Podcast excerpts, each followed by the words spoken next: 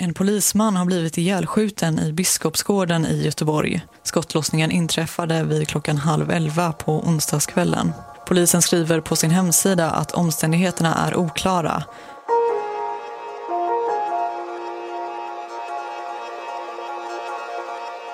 Polismannen kom på moped, var klädd i mörk uniform och bar hjälm. Mötet med den springande gärningsmannen, beväpnad med k-pist, var över på några sekunder. Förövaren hade höjt sitt vapen och avlossat ett skott som var snabbt dödande. Men många vittnen såg hur mördaren sen flydde och hur han var klädd. Och snart kunde han ringas in.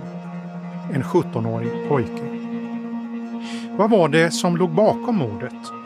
Hur lyckades polisen lösa fallet? Och vad säger mamman till den 17-årige gärningsmannen? Det ska vi titta närmare på i det här avsnittet av Aftonbladet Krim. Jag heter Anders Johansson.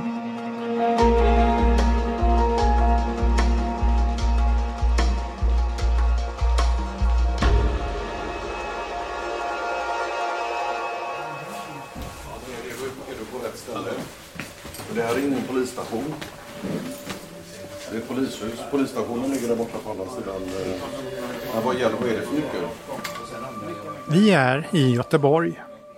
Det är den 29 oktober och vi är på väg in i polishuset. Klockan är strax efter nio och det är trångt i foajén. Tack. Hej, god morgon.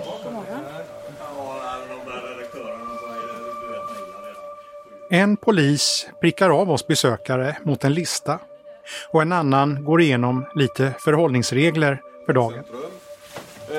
Som ni vet så är det avbildnings och fotoförbud. Och det vet ni alla vad vi har för förhållande till det. Vi vädjar till er. Ta inte bilder på någon som inte vill vara med på bild. Ta inte bilder på något som ligger under sekretess. Frågor på det? Bra. Alla Sveriges rikstäckande medier på plats. Tidningar, radio, tv plus ett antal lokala nyhetsredaktioner. Det är en stor sak som ska presenteras och det som sägs kommer direktsändas eller kommenteras närmast i realtid. Mikrofoner placeras ut framme vid podiet. Ljudet testas och kamerastativen justeras in.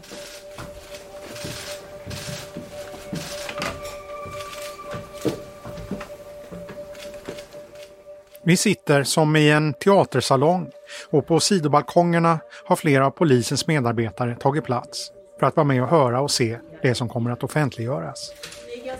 Vid halv tio kommer dagens huvudpersoner in och tar plats framme vid podiet. Och det är åklagaren Linda Viking som först tar till orda. Ja, jag har idag väckt åtal för de gärningar som inträffade vid halv elva-tiden på kvällen den 30 juni i år. Det var vid och kring Höstvädersgatan på Hisingen i Göteborg. Åtalet avser mord, försök till mord och grovt vapenbrott.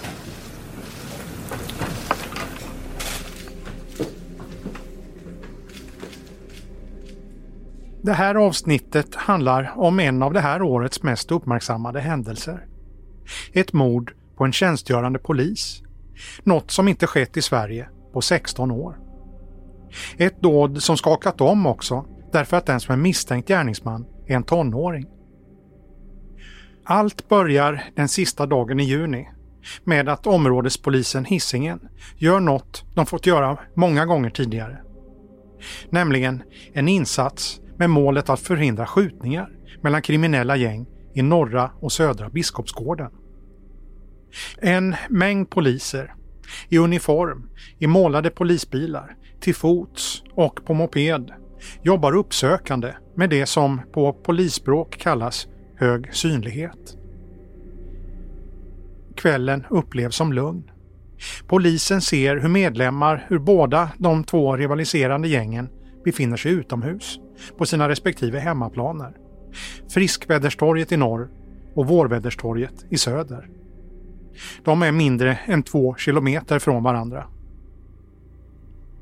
Strax efter 22.30 sprakade plötsligt till i polisradion. En av poliserna på moped rapporterar att han följer efter en man som springer vid Höstvädersgatan i Södra Biskopsgården. Och kort därpå säger han att han hört tre smällar som lät som skott i riktning mot Vårväderstorget några hundra meter söderöver. Polisens ledningscentral startar en insats direkt. Tre gängmedlemmar i Södra är under attack av en maskerad och beväpnad gärningsman på en innergård. De tre flyr och blir beskjutna. Åklagaren Linda Viking berättar. När gärningsmannen kommer till innergården på Östvädersgatan så flyr de här tre personerna från platsen. Det blir ett efterföljande. Och det är i efterföljandet av en av de här personerna som det först avlossas ett skott. Den kulan träffar fasaden på en byggnad. Det är när skytten fortsätter springa efter de tre som polismannen Andreas Danman kommer till en korsning till. Och då går det snabbt. Han färdas på en moped. Han är uniformerad. Och där möter han gärningsmannen. Och gärningsmannen avlossar två skott emot honom, varav det ena skottet träffar och är det skott som, eller den skada som dödar eh, målsägaren. De ekande skotten får flera av de boende att reagera snabbt. En ringer och larmar. SOS 112, vad inträffat? Hej, det är så att eh, det är en polis är skjuten vid Höstvädersgatan 21 nyligen. Vad sa du nu? En polis har blivit skjuten vid Höstvädersgatan 21 nyligen. Det hände precis. Är det en polis som har blivit skjuten? Yes. Kort senare kommer ett nytt samtal från en person som sett en annan del av händelseförloppet. Han gick och bar en pistol. Och han, eh, alltså, jag vet inte vad det heter när man säkrar eller vad fan det heter. Osäkra. Vad hade han på sig för kläder, han som hade pistolen? Oh, det, du, alltså jag, mina ögon fanns bara på vapnet. Polismannen är träffad av minst ett skott i halsen och har blivit liggande på marken. Skottskadan syns knappt. Den är en halv centimeter. En boende i området har påbörjat hjärt- och lungräddning och blir snart avlöst av poliser som börjar anlända. En av poliserna tycker att skadan ser ut som ett skrapmärke som kunnat uppstå vid snabb hjälmavtagning. Men halsen är väldigt svullen. Flera polispatruller larmas ut och en av bilarna finns en hjärtstartare som de springer ut med. En av poliserna får mota undan nyfikna som samlats och som står och filmar med sina mobiler. De andra poliserna behöver få jobba fritt med livräddande åtgärder. Hjärt-lungräddning. Poliserna turas om. Ambulanspersonal som anländer inom kort injicerar adrenalin och kopplar in sin Lukas, en hjärt-lungräddningsmaskin. De lastar över den skadade på bår och kör till akuten på Salgrenska sjukhuset. Där påbörjas en operation och det upptäcks direkt att patienten har omfattande inre blödningar. Polismannens liv går inte att rädda. En bit in på kvällen, klockan 23.21 den 30 juni, mindre än en timme efter skottlossningen, dödförklaras Andreas Danman. Han blev 33 år gammal.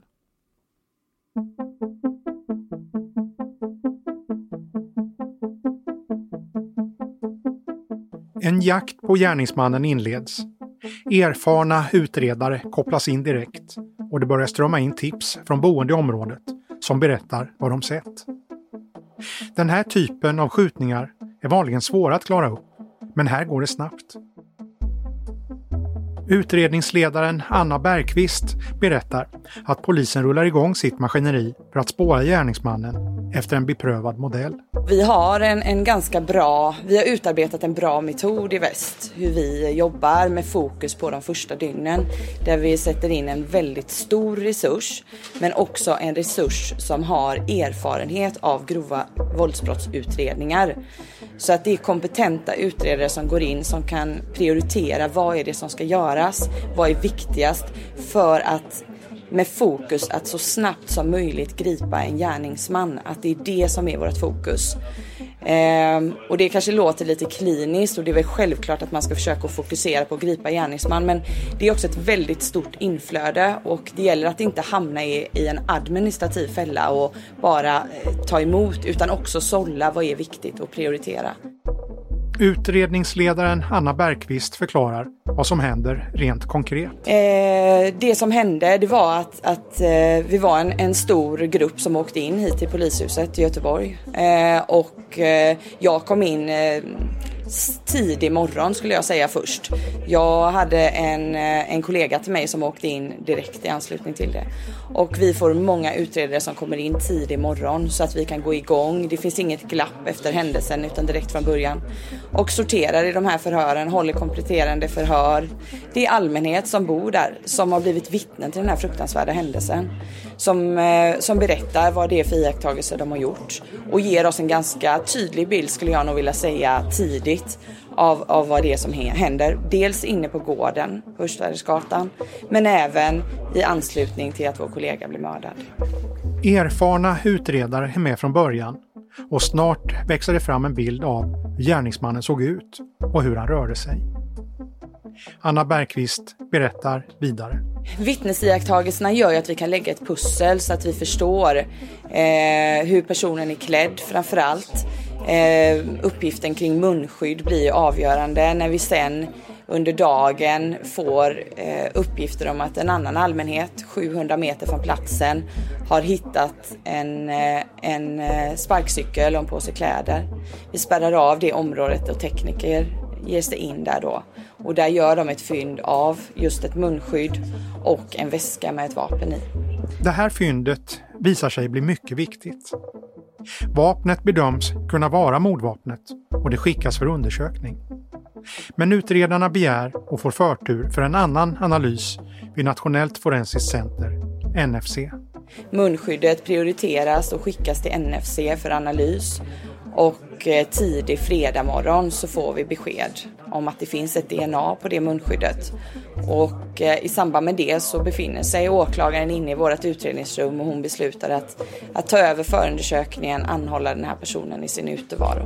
Mm. På fredag morgon, ett och ett halvt dygn efter mordet, är alltså en misstänkt inringad.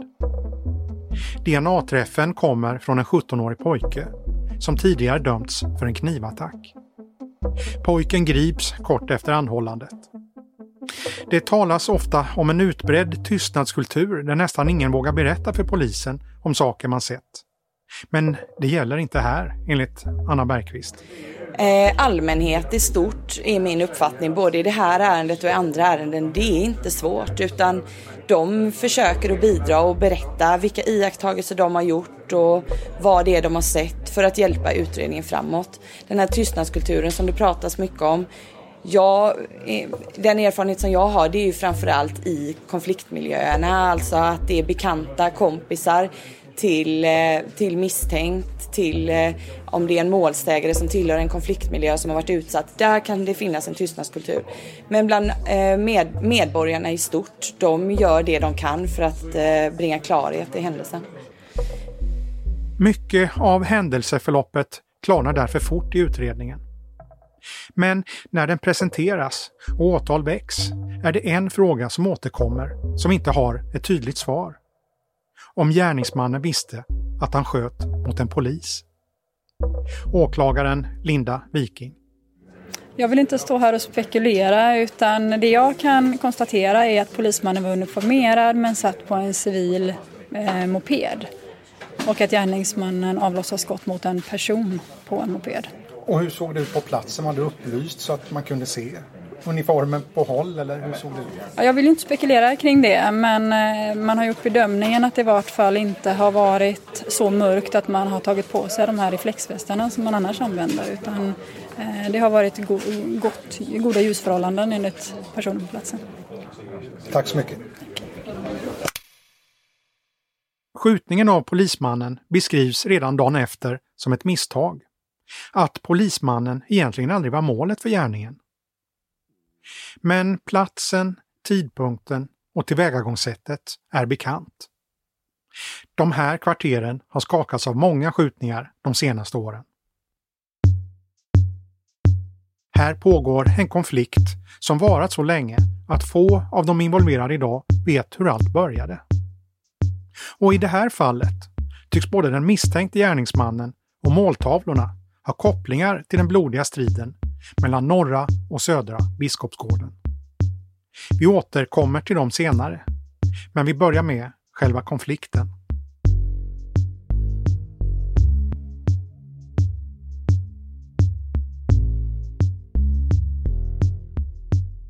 Konflikten mellan norra och södra delen av Biskopsgården har pågått i snart tio år.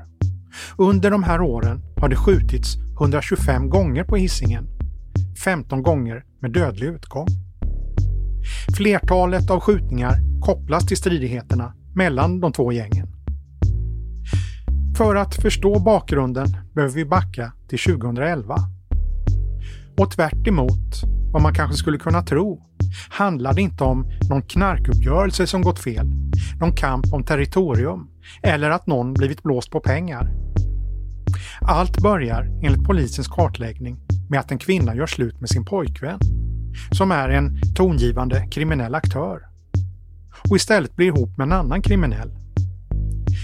Pojkvännen, som vi här kallar Ali, döms till ett fängelsestraff.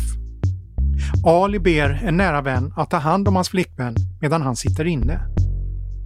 Men under tiden i fängelset inleder istället hans vän en relation med kvinnan, som lämnar Ali. Ali ser rött och utkräver hämnd. Kan väl säga så att utredningsläget för oss eh, är gott, men det finns mycket uppgifter att sammanställa och som jag sa inledningsvis, eh, alla vittnen kanske inte hörde ännu. Det är under natten den 5 juli 2012 som en ung man skjuts till döds i Göteborg. Den mördade mannen är alltså den nya pojkvännen och polisens teori är att den som beställt mordet är Ali. Mordet klaras aldrig upp och några år senare mördas även Ali.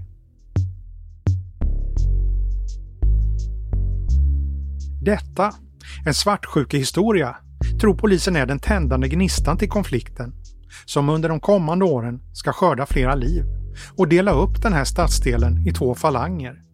Norra Biskopsgården och Södra Biskopsgården. Under åren som följer sker en rad hänsynslösa dåd som tros ha koppling till konflikten. Studio 1 rapporterar den 5 september 2013. Och vi ska till Göteborg och dubbelmordet i Biskopsgården på hissingen sent igår kväll.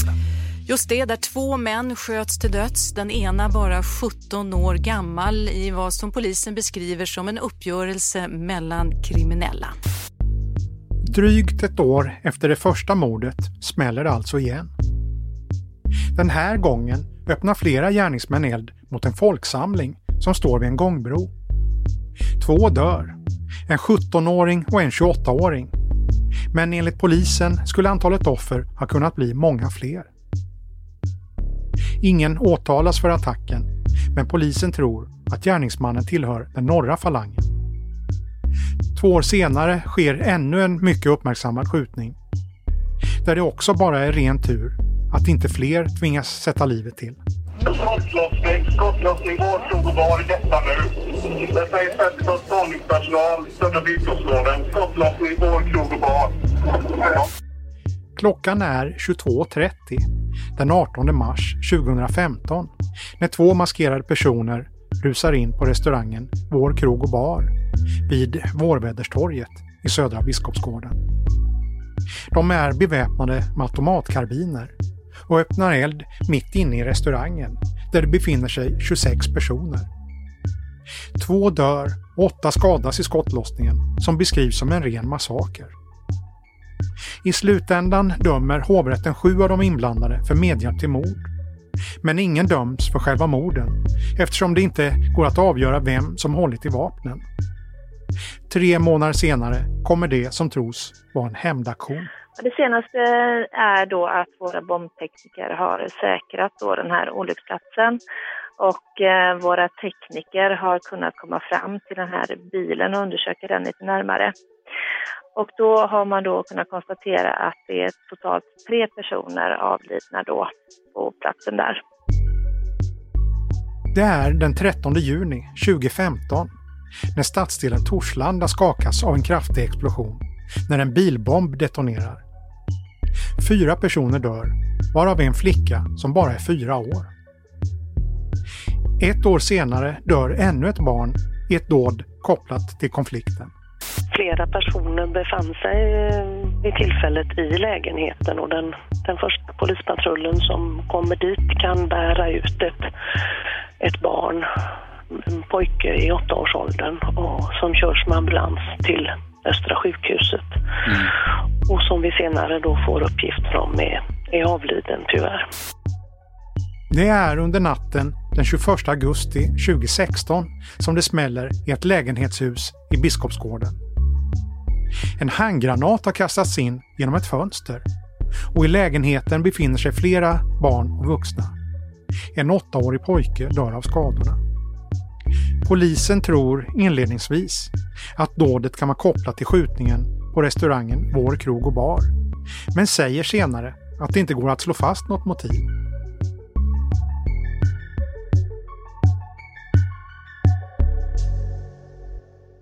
Det här är några av de händelser som tros vara kopplade till konflikten. Under de senaste åren har det skett fler skjutningar. Polisen berättar också att de två falangerna, norra och södra Biskopsgården, verkar brytas upp. Och de drabbas också av interna stridigheter, vilket leder till än mer våld. De som idag tros tillhöra gängen verkar inte ha någon som helst koppling till de ursprungliga medlemmarna. Svartsjukedramat, som tros ha startat allting, är som bortblåst. Enligt Erik Nord, polischef i Göteborg, har de brottsaktiva idag ärvt konflikten från tidigare generationer kriminella. Det är, det är, en konflikt som började för ungefär tio år sedan uppe i Biskopsgården och som har utvecklats och där grupperingar delar upp sig och bildar nya och de som är drivande i konflikterna idag de var inte med för tio år sedan så man har ärvt den där konflikten och traderat den över, över för det är unga män och det är som en 17-åring nu som vi talar om här. Han var ju bara sju år för tio år sedan. Men eh, tyvärr är det som så att det blir lite självgående de här konflikterna då. Man växer upp i dem och så eh, tar man del av dem och man vet ofta inte riktigt var de startade. Vad handlar det om? Det handlar väldigt mycket om eh, enskilda personers eh, eh, behov av bekräftelse och makt. Det kan man väl säga att det, man vill bestämma och, eh, och så blir det ihop med lättkränkthet och så boostar man systemet med pengar från narkotikahandel så uppstår det konflikter.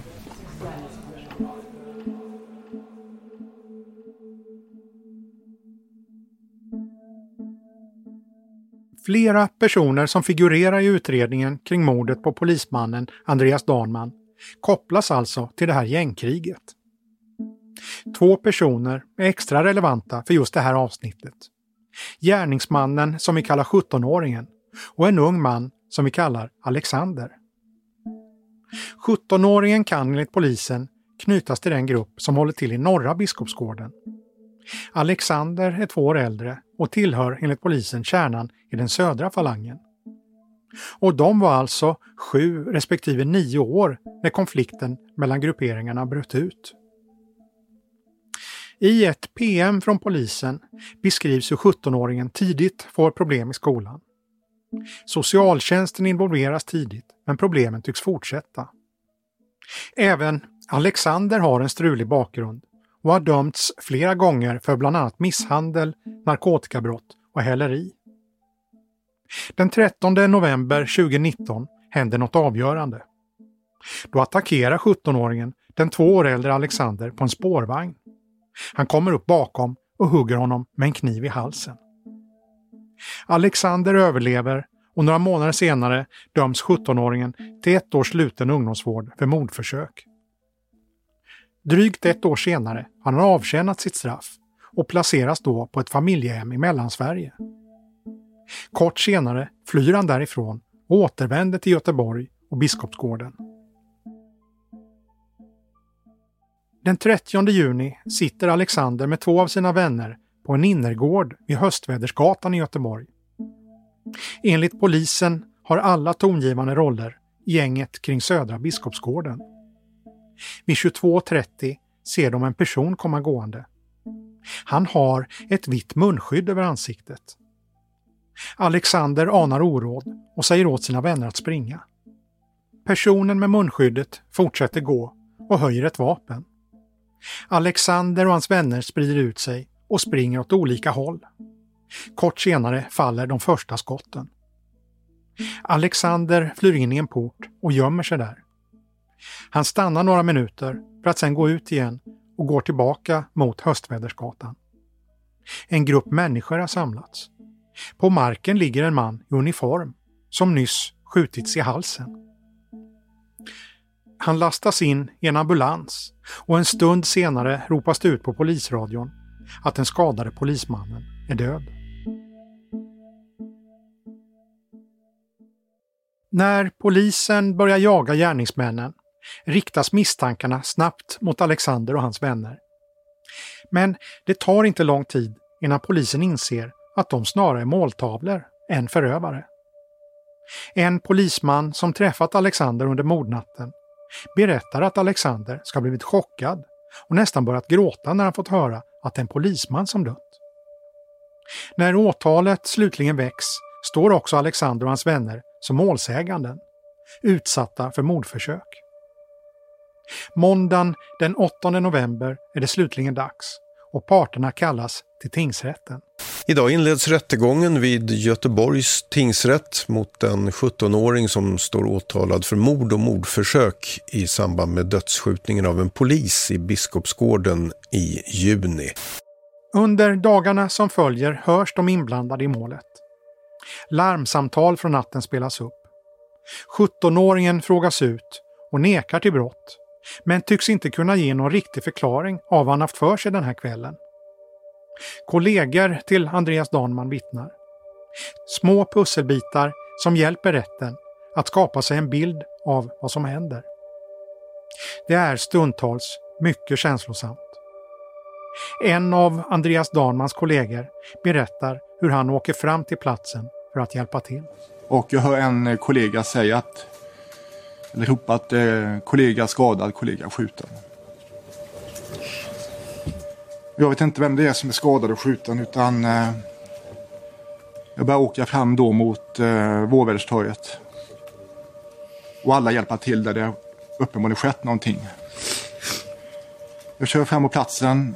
Eh, åker fram och så ser jag två kollegor som eh, hjälper en kollega som ligger på marken. Det är kollegan Danman som ligger på gatan. Kollegorna kämpar för sina liv för att vårda Danman. Jag går fram och tittar. Jag ser att han är, Danman är skjuten i halsen. Jag tänker att han nog är död. Utifrån hur skadan ser ut. Men vi ska kämpa allt vi kan för att få tillbaka honom till livet, tänker jag. Under torsdagen hörs Andreas Danmans sambo. Hon berättar att hon pratar med honom bara två timmar innan han blev mördad. Hon säger att han ringde för att han nyss avslöjat för sina kollegor att han och sambon skulle bli föräldrar. Hon berättar om hur Andreas aldrig kommer att få se sin dotter växa upp. Att få se henne vakna glad på julaftons morgon. Att han inte ens fick veta att det var just en dotter han skulle få. Senare samma dag får Andreas Danmans föräldrar och syskon vittna. De berättar om sorgen och om saknaden av sin son, sin bror. Andreas Danmans mamma berättar att hon blivit svart i själen av hat och hur hon oroar sig för att ilskan ska göra att hon aldrig blir en fin människa igen. Den åtalade gärningsmannen tycks oberörd. Han stirrar rakt ut under vittnesmålet. När han hörs av rätten nekar han till brott och säger att han varit hemma hos vänner i Frölunda under den aktuella kvällen. Han säger också att han rökt marijuana och därför inte minns särskilt mycket detaljer. Till slut är vi framme vid fredagen. Efter en veckas förhandlingar ska säcken knytas ihop. Åklagaren, målsägandebiträdet och advokaten ska få säga sina slutord.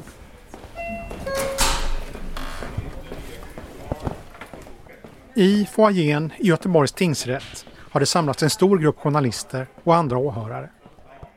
Ett antal uniformerade poliser är också på plats för att följa förhandlingen. Strax innan klockan 10 börjar samtliga foajén att röra sig ner i tingsrättens källare. Dagens förhandling kommer att hållas i en av säkerhetssalarna som ligger under jord. Vid klockan 10 tänds den gröna lampan utanför salen i Göteborgs tingsrätt. Sista dagen ska inledas.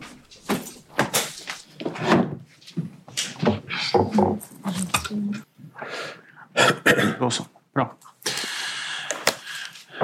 Då kan jag väl bara passa på att rapportera ordningsreglerna en gång till. Eftersom vi... Enligt schemat är det idag dags för slutpläderingar. Det är alltså då åklagaren, advokaten och målsägandebiträdena samlar ihop vad som hänt under de tidigare förhandlingsdagarna. De kommer i tur och ordning att få lyfta fram sina bästa argument för att sedan yrka på det straff de tycker är rimligt. Men när det är dags att dra igång visar det sig att det skett en förändring i schemat. Då ska vi börja dag fyra eh, i den här förhandlingen och då var tanken att vi skulle gå direkt på pläderingarna men nu verkar det som att ändå har inställts här och då finns det ett åberopat förhör med, med som åklagaren har åberopat så då får vi börja med det. Mm. Personen som domaren pratar om är han som vi tidigare benämnt Alexander. Han som blivit knivhuggen av den åtalade 17-åringen och som flytt för sitt liv under kvällen då polismannen blev skjuten. Han hade kallats till förhör tidigare under veckan. Då dök han aldrig upp, men nu har han inställt sig. Det märks att flera i rättssalen är lite förvånade över att han nu sitter i stolen. Åklagare Linda Viking. Tack. Jag är glad att du är här i alla fall. Det blir ett kort förhör med Alexander. Han svarar på några av åklagarens frågor, berättar att han var där under kvällen och att han flydde när han såg gärningsmannen. Han säger att det är polisen som berättar för honom att en polisman blivit skjuten. Flera av de andra frågorna vill han inte svara på. Under slutet av förhöret ryker 17-åringen och Alexander ihop och ropar könsord till varandra. Domaren får bryta in och lugna ner situationen. Kort senare är förhöret över. Åklagaren inleder sin slutplädering. Strax efter klockan halv eh, elva den 30 juni i år så skjuts polismannen Andreas Danman till döds i korsningen Stönnvedesgatan-Östvedesgatan. Han skjuts på nära håll när han försöker väja undan från gärningsmannen. Under de följande minuterna lägger åklagaren fram vad hon menar är händelseförloppet under kvällen. Jag menar att vi vet att det är gärningspersonen som avlyssar två skott mot Andreas och att han strax dessförinnan har kommit till Höstvädersgatan på en elsparkcykel. Att han ställt den ifrån sig, att han tagit på sig ett munskydd och att, och att han sedan tagit fram en pistol. Åklagaren lyfter fram ett flertal vittnen som enligt henne styrker olika delar av händelseförloppet. Bland annat ett vittne som ser det mest avgörande ögonblicket. Vittnet berättar också hur gärningsmannen riktar vapnet mot Andreas som försöker väja undan. Men att skotten träffar honom. Det är för sent och han faller på marken. Åklagaren pekar även på en mängd teknisk bevisning som enligt henne knyter 17-åringen till gärningen. Genom provskjutning av vapnet så vet vi att det är just det här vapnet som har avlossat samtliga tre skott inne på Östvädersgatan. På jackan, handskarna, hoodien och mjukisbyxorna så påvisades det sammanlagt 940 tändsatspartiklar. 940. Jag har aldrig varit med om den mängden tändsatspartiklar i något ärende innan. Den kanske tyngsta bevisningen mot 17-åringen gäller de kläder som hittats i närheten av brottsplatsen. Det är de här kläderna som är överösta med tändsatspartiklar. En sorts damm som sprids kring ett eldvapen när skott avlossas. Kläderna är dessutom täckta av 17-åringens DNA. Jag menar att genom vittnesuppgifter och undersökning av kläderna är styrkt att den som har haft kläderna på sig är gärningsmannen. Och jag menar att det är styrkt att det är som iklädd de här kläderna och maskerad kommer till Hustvedesgatan och utför de gärningar som åtalet omfattar. Under slutet av sin plädering fokuserar åklagare Linda Viking på frågan som aldrig fått något tydligt svar. Visste gärningsmannen att han sköt mot en polis? Eller var det ett misstag? Jag menar att ser att det är en polis. Han vet att han precis har avlossat skott. Han vet att han har ett kraftfullt vapen i handen. Och därför så skjuter han för att skjuta sig ur situationen. För att dölja en annan brottslighet och för att förhindra att bli gripen. Och det för mig in på min redogörelse för det samlade brottslighetens straffvärde. Ja, avslutningsvis kommer vi till straffets längd. Linda Viking menar att det är flera saker som väger mot varandra. Den misstänkte gärningsmannens låga ålder verkar i sänkande riktning. Att han återfallit i grov brottslighet och dessutom kan knytas till ett nätverk höjer det. Att det dessutom handlar om flera grova brott, mord och mordförsök, höjer det ytterligare. Så att jag menar att ett sammanlagt straffmätningsvärde med beaktande av flera brott och med beaktande av unga ålder ändå inte kommer under tio år. Efter åklagaren lämnar domaren över ordet till advokat Hans Palm. Han börjar med att förklara att han inte är här för att försvara själva gärningen, utan personen som anklagas för gärningen. Enligt Hans Palm finns det inget som på något konkret sätt kopplar 17-åringen till den pågående konflikten i Biskopsgården. Han delar inte heller åklagarens bild av att det ska handla om tre mordförsök riktat mot de tre personerna på gården. Om 17-åringen skulle dömas för de skotten ska de snarare ses som en typ av skrämseltaktik och inte varit menade att skada, enligt advokaten. Men mordförsöken i det här målet är som bekant inte det som får allvarligast konsekvenser, utan det är det som sker kort senare. Eh, det som händer senare är, eh, är känsligt. Det är ett fruktansvärt, eh, en fruktansvärd händelse. Alltså när Andreas Danman skjuts. Och skjutningen måste betecknas som en avrättning. Det går inte att uppfatta det på något annat sätt. Under de följande minuterna pekar advokat Palm på de brister i åtalet som enligt honom öppnar för en annan gärningsman än 17-åringen.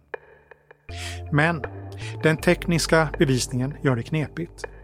Jag delar åklagarens uppfattning att de kläder som finns vid fyndplatsen eh, i det här lilla skogsområdet det är ju skytten som använt dem. Jag har också suttit i en hel del mål där det förekommer skjutningar och jag har själv aldrig varit med om 940 tändsatspartiklar.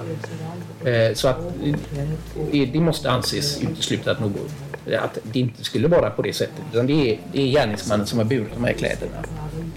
Och med förekomsten av eh, DNA på samtliga av de här kläderna så är det också, menar jag på, det är bevisat att jag har burit de här kläderna.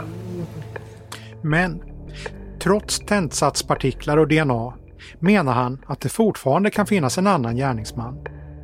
Att det helt enkelt är en annan person som tagit på sig 17-åringens kläder innan mordet och sen dumpat dem i en hög tillsammans med ett munskydd som är täckt av 17-åringens DNA. Huruvida detta är troligt eller inte, det överlåter jag åt rätten att göra. För ni ska ju göra en bedömning om det finns några rimliga tvivel kvar på om det finns någon annan händelseförlopp, annan förklaring. Och i det här fallet finns det möjligheter att det kan vara en annan gärningsman. Möjligheterna kan synas små men rätten måste ändå överväga dem. Han vänder sig också mot att gärningsmannen ska ha vetat att det rörde sig om en polis när han sköt. Att allt gått snabbt, att polisen ska ha varit mörklädd och att emblemet på armen är svårt att uppfatta. Någon direkt avsikt att döda en polis och specifikt Andreas Dahlman tog inte ha funnits hos gärningsmannen. I sin avslutning yrkar advokat Hans Palm att 17-åringen ska frias helt. I andra hand att han döms till sluten ungdomsvård, alternativt fängelsestraff i sex år. Efter några avslutande ord kring det administrativa är det hela över. Då så. Med det beskedet så är den här förhandlingen slut. Tack ska ni ha.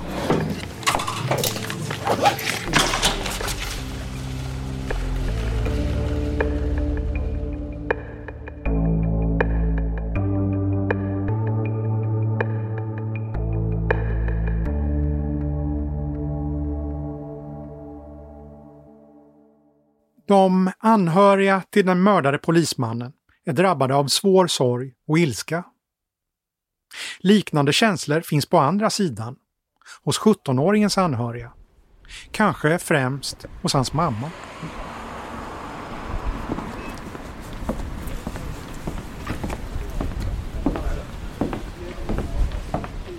Vi befinner oss i Biskopsgården.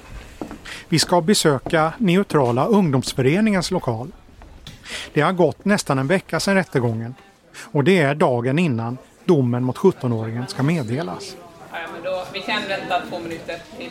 Så kan ni ju... Jag tror att alla journalister är här och det är de tillställningen är till.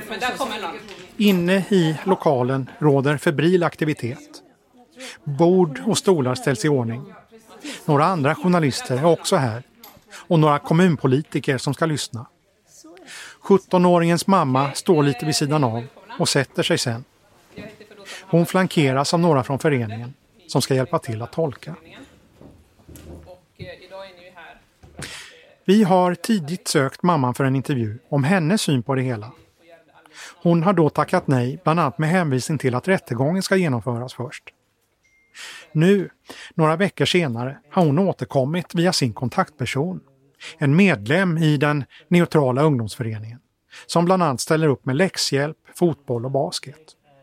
De hjälper också ungdomar som vill lämna det destruktiva livet i kriminella gäng. 17-åringens mamma sätter sig och börjar berätta. Hon säger att hon är ensamstående mamma, att hennes man blev skjuten i Somalia när sonen var fyra år. Hon berättar att han blev förändrad i tonåring. När han gick i sjuan började han umgås med äldre killar. Att han var ute på nätterna och att hon inte kunde låsa in honom. Att det började bli problem med hans skolgång och hur hon kontaktade både skola, socialtjänst och polisen för att få hjälp. Men utan gensvar. Mamman berättar att hon lyckats samla ihop pengar till en biljett till Somalia, landet hon flytt från. Tanken var att sonen skulle bort från Göteborg under sommarlovet. Att han skulle vara hos sin farmor. Han var inbokad på ett plan den 16 juli. Men drygt två veckor tidigare skedde mordet. Mamman säger att hon är ledsen för att en polis, som var där för att skydda dem som bor i området, blivit mördad. Att det är just hennes son som är åtalad för mordet plågar henne. När vi sätter oss ner med henne förklarar hon att hon kan prata svenska, men att hon är rädd för att säga fel och därför får hjälp av en tolk.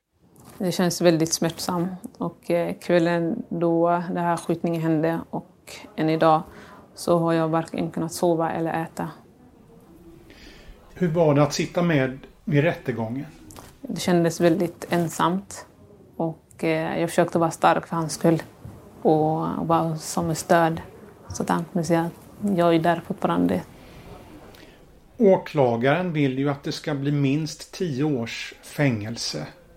Vad tänker du om det? Eh, Jag har inget mer att säga än att hon eh, yrkar på tio år och eh, vi får väl se imorgon vad domen visar. Men mer än så kan jag inte säga. Mamman säger också att hon tvivlar på att sonen har begått mordet. Men säger också att hon kommer respektera domslutet, vilket det än blir. Det tror hon inte. Men eh, hon säger också att kvällen eh, då det hände så träffade hon ju på sonen. Och hon frågade, eh, vet du vad som har hänt? Och han sa, ja jag vet. Och så frågade hon, vet du någonting om den här händelsen? Och han sa, jag har precis blivit utsläppt. Jag tänker inte åka in igen. Så jag har inte gjort det här. Och jag tänker inte göra sådana dumheter. Nu sitter han ändå misstänkt och polisen, eh, åklagare tror att han har gjort det här. Hade det här kunnat, den här situationen kunnat undvikas? Hon tror starkt på att eh, i alla dessa år som hon har eh, sökt hjälp efter hjälp efter hjälp och ingen har varken ställt upp på hjälp eller kollat åt sida Så tror hon att man hade kunnat förhindra så att inte den här polismannen hade mist livet eller att hennes son hade varit där han är idag om folk hade bara gjort sitt jobb. Och då syftar hon både på socialtjänsten och eh, polismyndigheterna. Då. Hon har ju ringt till eh, polisen flera gånger och eftersökt eh, om hjälp. Då. Och där har man inte kunnat hjälpa. Eh, hon, eh, jag vill bara lägga till, för hon sa också att eh, flera gånger har hon ju ringt till polismyndigheterna och sagt att snälla jag behöver hjälp med min son.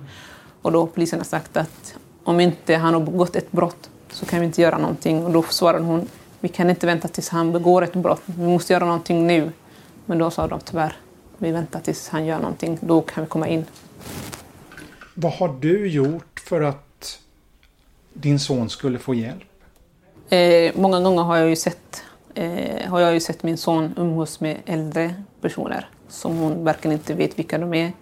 Eller som hon innan inte har heller sett. Hon vet att det är inga bra människor han umgås med. Och eh, hon säger att jag brukar vakna eh, på natten av att han kommer in i huset eller att han är på väg ut.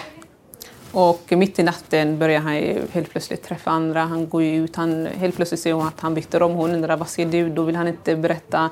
Han är tystlåten. Han vill inte att hon ska veta någonting. Och då har hon ju ringt både socialtjänsten och ringt polisen och sagt att min son, han är bara 14 år, 13 år, snälla. Jag vet inte vad han ska. Han lyssnar inte på mig. Jag kan inte bara dra honom eller låsa in honom. Vad ska jag göra? Hjälp mig. Det är ingen som har hjälpt honom och det har pågått och pågått och han har träffat andra eh, vuxna, då, äldre eh, eh personer då som eh, står där ute och väntar på att han eh, ska komma ner och de ska hålla på och göra saker. Och hon står där och försöker låsa dörren men säger till lås. Det går inte, ingenting hjälper. Mm, hon känner att det hade gjort skillnad om hans pappa hade levt idag. Då kanske han hade fått den här papparollen. Så att han, för det känns som att han saknar sin pappa väldigt mycket. Så hon känner att jag har ju både den här papparollen och mammarollen och det blir för mycket. När det blir för mycket så sökte jag ju den hjälpen som ska finnas där. Den hjälpen som både han och jag ska, eh, eller har rätt till. Men eh, den eh, fick vi inte.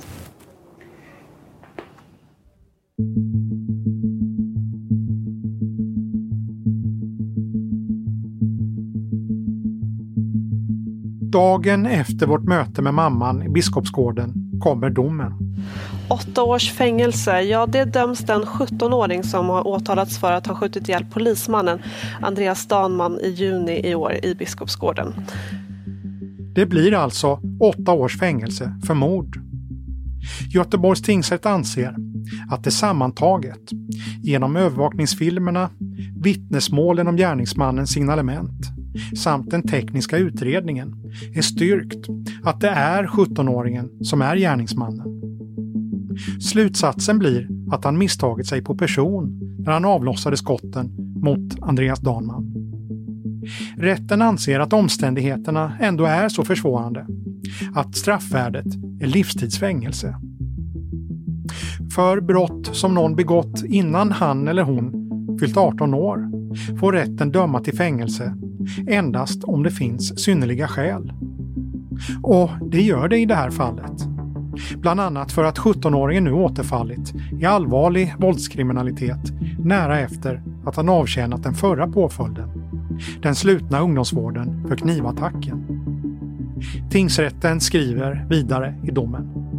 Enligt praxis motsvarar det så kallade straffmätningsvärdet för en person som är 17 år gammal vid gärningen ungefär en tredjedel av straffvärdet för en vuxen person.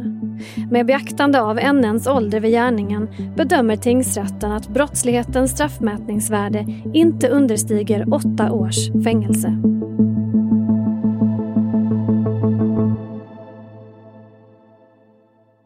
När 17-åringen döms sällar han sig till en liten skara ungdomar som döms till fängelse i Sverige. Det vanligaste straffet för grova brott begångna av så unga förövare är sluten ungdomsvård, där maxstraffet är fyra år.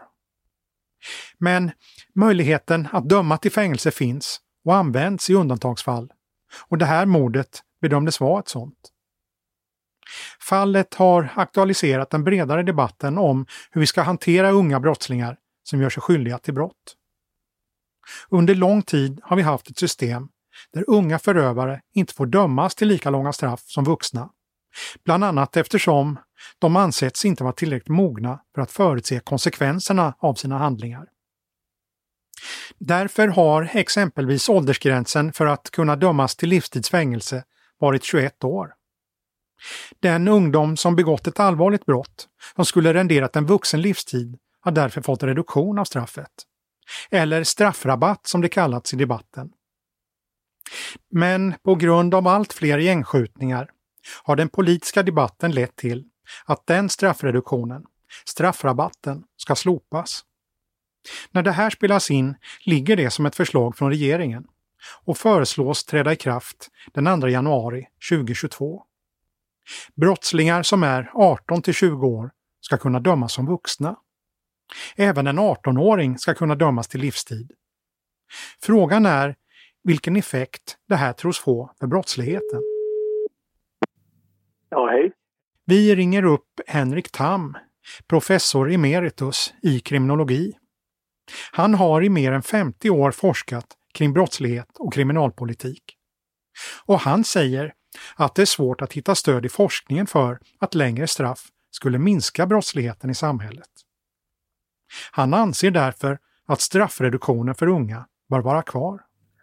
Vad vi kan se så, givet att man har straff, att man då förlänger dem och då gäller det ju alltså längre fängelsestraff, det kan vi inte se några effekter av. Det kan finnas enstaka undersökningar som visar en liten effekt men eh, det är inte det som bestämmer brottsnivåer eller brottsutvecklingen, det går inte att se. Men enligt honom är de nya lagförslagen bland annat en konsekvens av att det har svängt i den allmänna synen på varför vi ska ha fängelsestraff. Han menar att den kriminalpolitiska debatten tidigare kretsade mycket kring vilken effekt ett straff hade.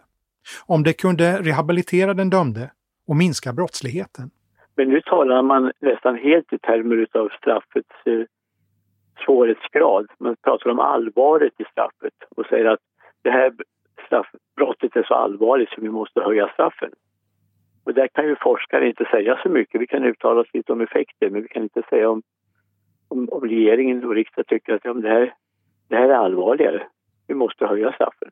En sak som nu är aktuell är det som kallas slopad straffrabatt för unga. De som är 18-20 år och begår grova brott ska få längre fängelsestraff. Vad tror du effekten kommer att bli? Ja, i bästa fall blir det ingen effekt. Eh, men en del talar ju för att det kommer att öka återfallen i den här åldersgruppen. Eh, fängelse som sådant kan man säga är ett nödvändigt ont. Vi måste ha det. Vissa människor har gjort så allvarliga brott att det är rimligt att de får ett fängelsestraff. Eh, vi kan inte se att det har positiva effekter. Särskilt för unga pekar en hel del forskning på att det ger negativa resultat. Men, men betyder det att eh, en sån här reform den är kontraproduktiv, alltså att, vi kan, att den kan öka brottsligheten istället? Om man tar ett exempel, men det rör en mycket yngre åldersgrupp, men det är också aktuellt eftersom två partier i Sverige nu kräver att man ska sänka straffmyndighetsåldern till 13 år. Det gjorde man i Danmark när regeringen blev avhängig Dansk Folkeparti som krävde detta. Och sen slapp man det och så kunde man ta tillbaka till 15 år som är normen i, i Norden. Och då visade det sig att de här 15-åringarna som hade då dömts till straff, de eh, återföll i större utsträckning. Det blev ett så kallat naturligt experiment.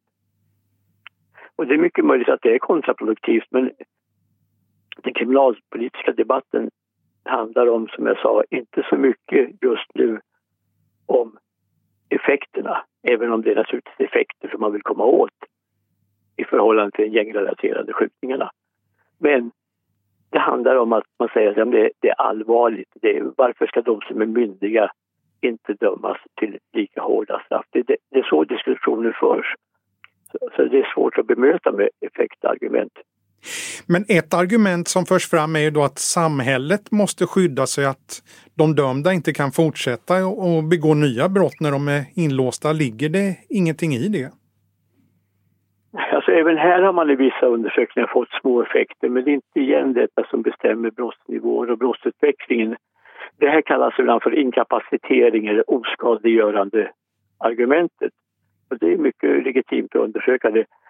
Problemet är det att man då ska kunna förutsäga att den personen som redan har begått ett allvarligt brott, att han kommer att göra det eller ett annat väldigt allvarligt brott igen. Och då är det så att speciellt med de allvarligaste brotten som tack och lov är de minst vanliga, det är väldigt låg återfall i detta. Ja. En person som har begått, gjort sig skyldig till dödligt våld har mycket större risk än den som inte har gjort att återfalla men fortfarande ligger risken kanske på ett par procent. Det vill säga sannolikheten att personen inte ska göra det eh, är fortfarande kanske 97-98 procent. Var, var, lägger man då gränsen för att sätta in personer som har en liten risk som är en aning högre än för allmänheten?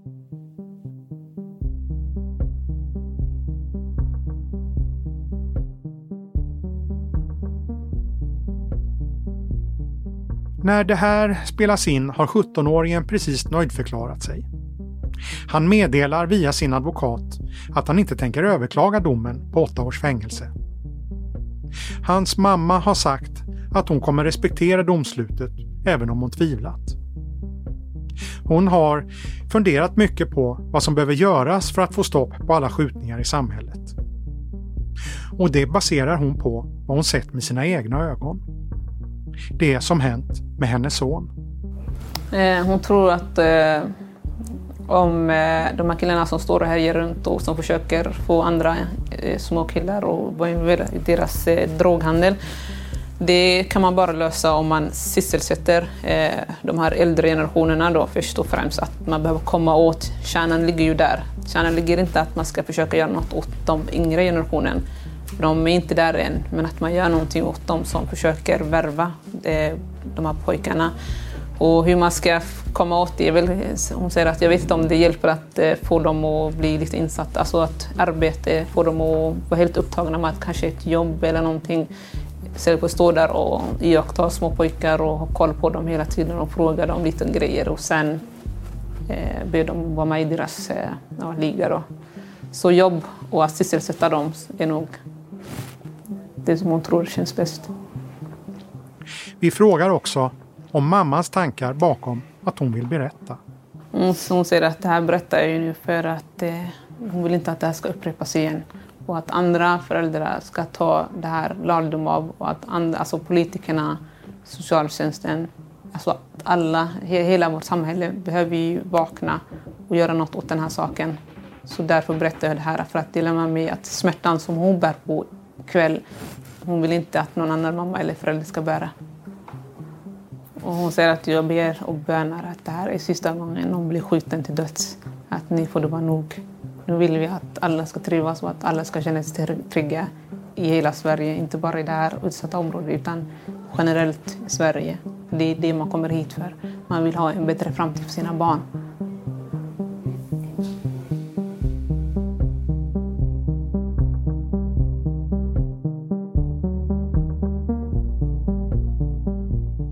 Du har lyssnat på ett avsnitt av Aftonbladet Krim.